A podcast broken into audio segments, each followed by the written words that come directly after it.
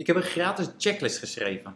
Met stap voor stap hoe je met een driftbui van je kind in het openbaar kunt omgaan. Dus voordat je doorgaat met het luisteren van deze aflevering, lees eerst die checklist door die je onder deze video kunt downloaden.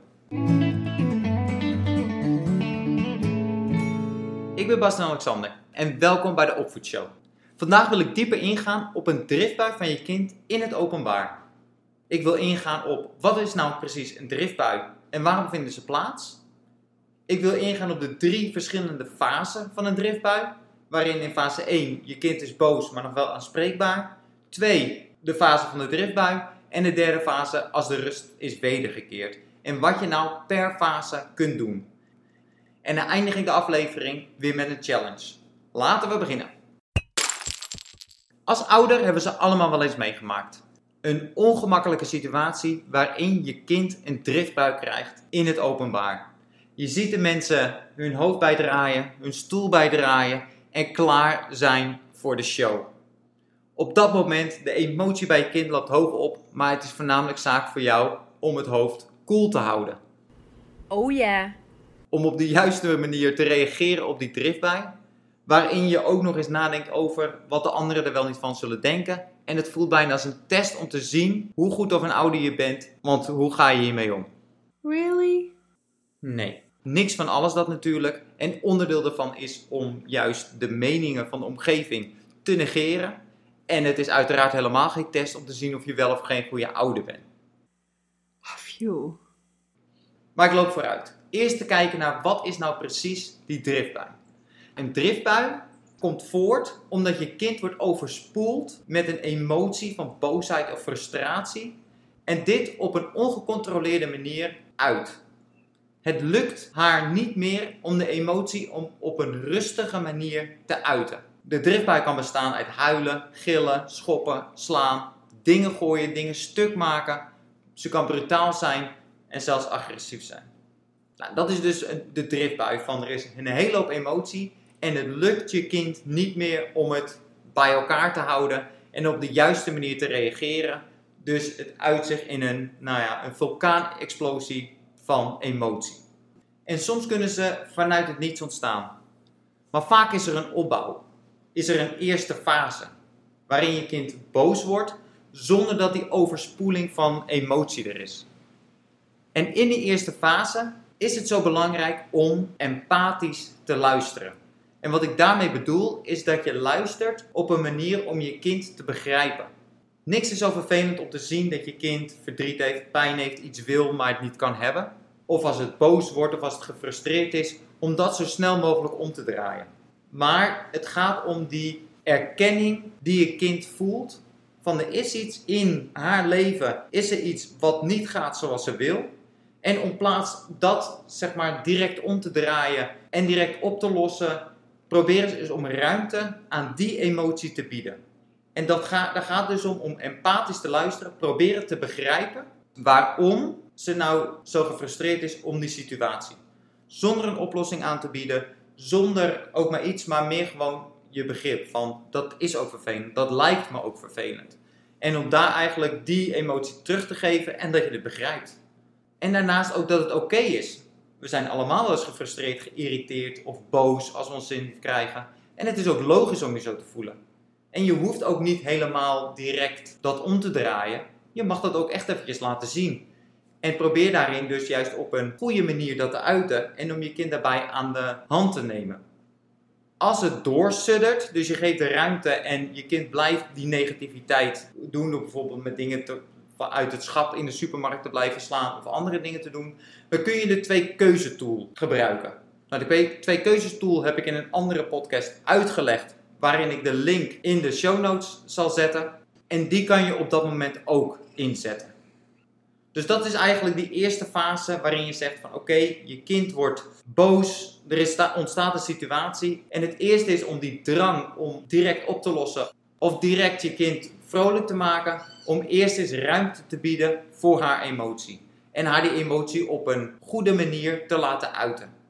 Soms lukt dat niet. Soms beter laat, soms ontstaat het uit het niets, zag je het niet aankomen en ontstaat die driftbui. Op dat moment is het zo belangrijk om verbaal, non-verbaal in je hele emotie te laten zien dat je je kind nog steeds accepteert, dat je nog steeds die onvoorwaardelijke liefde hebt. En niet dat je, omdat je die mensen in je omgeving ziet kijken, bij ziet schuiven, dat je een soort van schaamte creëert en het eigenlijk snel wil oplossen of juist zelf in een emotie gaat zitten daardoor. Maar het is zo belangrijk om dan die voorbereiding te hebben van wat is onvoorwaardelijke liefde voor jou en om die op dat moment te laten zien. En daarin is het zo belangrijk om de energie die je voelt, om die onder controle te krijgen. En dat is die ademhaling. Om direct door je buik te blijven ademen. Om je lichaam daarin rustig te houden, je hoofd koel te houden en op de juiste manieren te reageren. In het heetst van de strijd gebeurt het wel eens dat je kind agressief is, uitscheldt, brutaal is. Maar op dat moment, op het moment dat er zo'n overspoeling is van emotie, is het niet het moment om bij te sturen. Want er is een goede kans dat je kind wel weet dat het grensoverschrijdend gedrag laat zien. Maar het kan op dit moment gewoon eventjes niet anders. Oké, oké. Dus het is belangrijk om die principes uit te stellen en tot de derde fase te bewaren waarin je het eigenlijk gewoon gaat evalueren. Maar op dat moment is het dus niet, probeer niet om daar boos of om daar tegen te gaan, maar voornamelijk om die liefde en acceptatie te laten zien. Daarin kan je wel absoluut een grens aangeven, maar push dat niet. Duw dat niet door. Je kan aangeven van, ik vind het niet leuk als je schreeuwt, ik vind het niet leuk als je brutaal bent, maar laat het daarbij. Voor de rest hoef je niet een wedstrijd ervan te maken van dat, het niet meer, dat ze niet meer brutaal is of dat ze niet meer schreeuwt. Geef daarnaast ook aan wat je vindt dat je kind goed doet. Van, er is altijd wel iets, al is het maar super klein, om ook daarop te focussen. En wat je vaak ziet, dat in een driftbui lijkt het alsof je, alsof je kind je niet eens meer hoort. Ze is helemaal uitgezoomd en zit helemaal in die emotie. Maar let goed op, die emotie, jouw reactie, is super belangrijk. Je kind voelt de energie, die voelt eigenlijk van wat jij op dat moment van haar denkt, die voelt dat haar fijn aan. Dus het lijkt alsof ze helemaal op een andere wereld is, maar dat wordt wel opgeslagen. Dus van als je haar dan iets aangeeft wat ze goed doet, dan hoort ze dat misschien helemaal niet. Maar het helpt jou wel om de juiste emotie naar de situatie te brengen en om het zo snel mogelijk in goede banen te leiden. Dus het is misschien zelfs meer voor jezelf dan voor je kind, maar doe het absoluut wel. Het volgende punt is, wat ik ook al bij de inleiding aangaf, negeer de mening van omstanders. Je zal altijd groepen hebben, sommigen die met je meevoelen dat je erin zit, anderen die het juist fijn vinden om te zien, zodat ze zich beter voelen over zichzelf. Maar aan het einde van de dag maakt het niks uit wat die omstanders ervan vinden.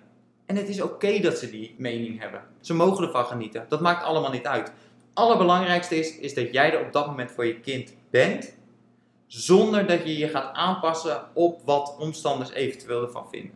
En de laatste in de driftbui is om altijd op dezelfde manier te reageren. Ze noemen dat dat je als ouder een veilige haven bent voor je kind. En dat is door op een hele consistente manier te reageren. Dat op het moment dat je kind overspoeld wordt door die emotie, dat ze dan wel weet wat ze kan verwachten. Dat jij die de rotsblok bent waar ze op kan leunen en waar ze van op aan kan. Ook is het belangrijk om het niet persoonlijk op te pakken.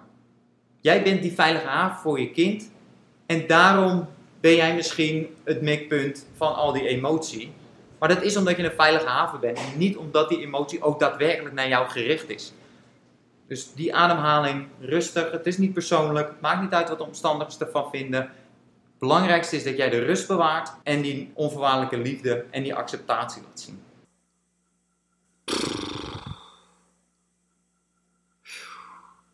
Dat is eigenlijk het doel in die tweede fase waarin de driftbui plaatsvindt. Het kan kort duren, het kan lang duren, maar er komt een moment dat de rust weer terugkeert. De driftbui is voorbij, de rust is teruggekeerd. En dan is het dus zaak om niet daarin ook weer alles wat er mis is gegaan, maar juist om een knuffel te geven, om een kus te geven, om die liefde te laten zien. Het is ook vervelend en het is ook lastig soms om met je emoties om te gaan en die erkenning te bieden. Daarnaast is het ook goed om aan te geven van die, dat die emotie er mag zijn. Je mag boos zijn, je mag soms kwaad zijn en het leven is soms niet eerlijk. En je zal altijd van er blijven houden. En dan komt het punt dat je op dat moment dat buitensporig gedrag af kunt keuren. Van maar, ik vind het niet leuk op het moment dat je schreeuwt, brutaal bent, dingen stuk maakt. En daarin is het het moment ook om te kijken naar een alternatief. Om haar te helpen in haar ontwikkeling om samen een plan te maken van wat zou je nou willen dat ze kan doen op het moment dat er een driftbui plaatsvindt? Wat zou nou beter gedrag zijn als ze heel erg boos wordt? En een voorbeeld is om heel hard op de grond te stampen. Om heel hard je vuisten te maken en daarin te knijpen. Afhankelijk waar je bent, om het eventjes uit te gillen. Van laat het maar even zien, brul het er maar eventjes uit om die energie eruit te laten. Het zijn simpele voorbeelden en ik weet zeker dat jij als ouder daarin creatiever kan zijn. Van wat zijn nou manieren waarop zij die emotie kan uiten op een betere manier voor die situatie. En maak samen een plan en gebruik dat plan dan ook de volgende keer dat een dergelijke situatie zich voordoet. Dit staat ook allemaal in de checklist die je hopelijk nu hebt gelezen en hebt gedownload, waarin je al deze informatie terug kunt lezen en nog meer informatie waarin ik nog iets dieper op inga. Dus download hem absoluut. Gaat dus om van dat er drie fases in zo'n driftbui zijn. En dat het belangrijk is om die ook te herkennen wanneer van fase 1 naar fase 2 gaat. En om je kind daar dus bij te helpen. En voor jezelf ook die overtuigingen, dat schrijf ik ook in die checklist, van dat er bepaalde overtuigingen zijn die je voor jezelf moet groeien, die je absoluut zullen helpen op het moment van een driftbui in het openbaar. En dan is het alweer tijd voor de challenge. Voor deze week wil ik aan je vragen. Nou zal het niet per se voorkomen dat er echt een driftbui plaatsvindt. Maar wat ik aan je wil vragen is om het empathische luisteren eens te oefenen. Dat op het moment dat je kind haar emoties uit, boos, zelfs honger of verdrietig of wat dan ook, om dat niet direct proberen om te draaien. Van nou, dat valt toch allemaal wel mee. Maar dat je haar de emoties de ruimte geeft om die te uiten.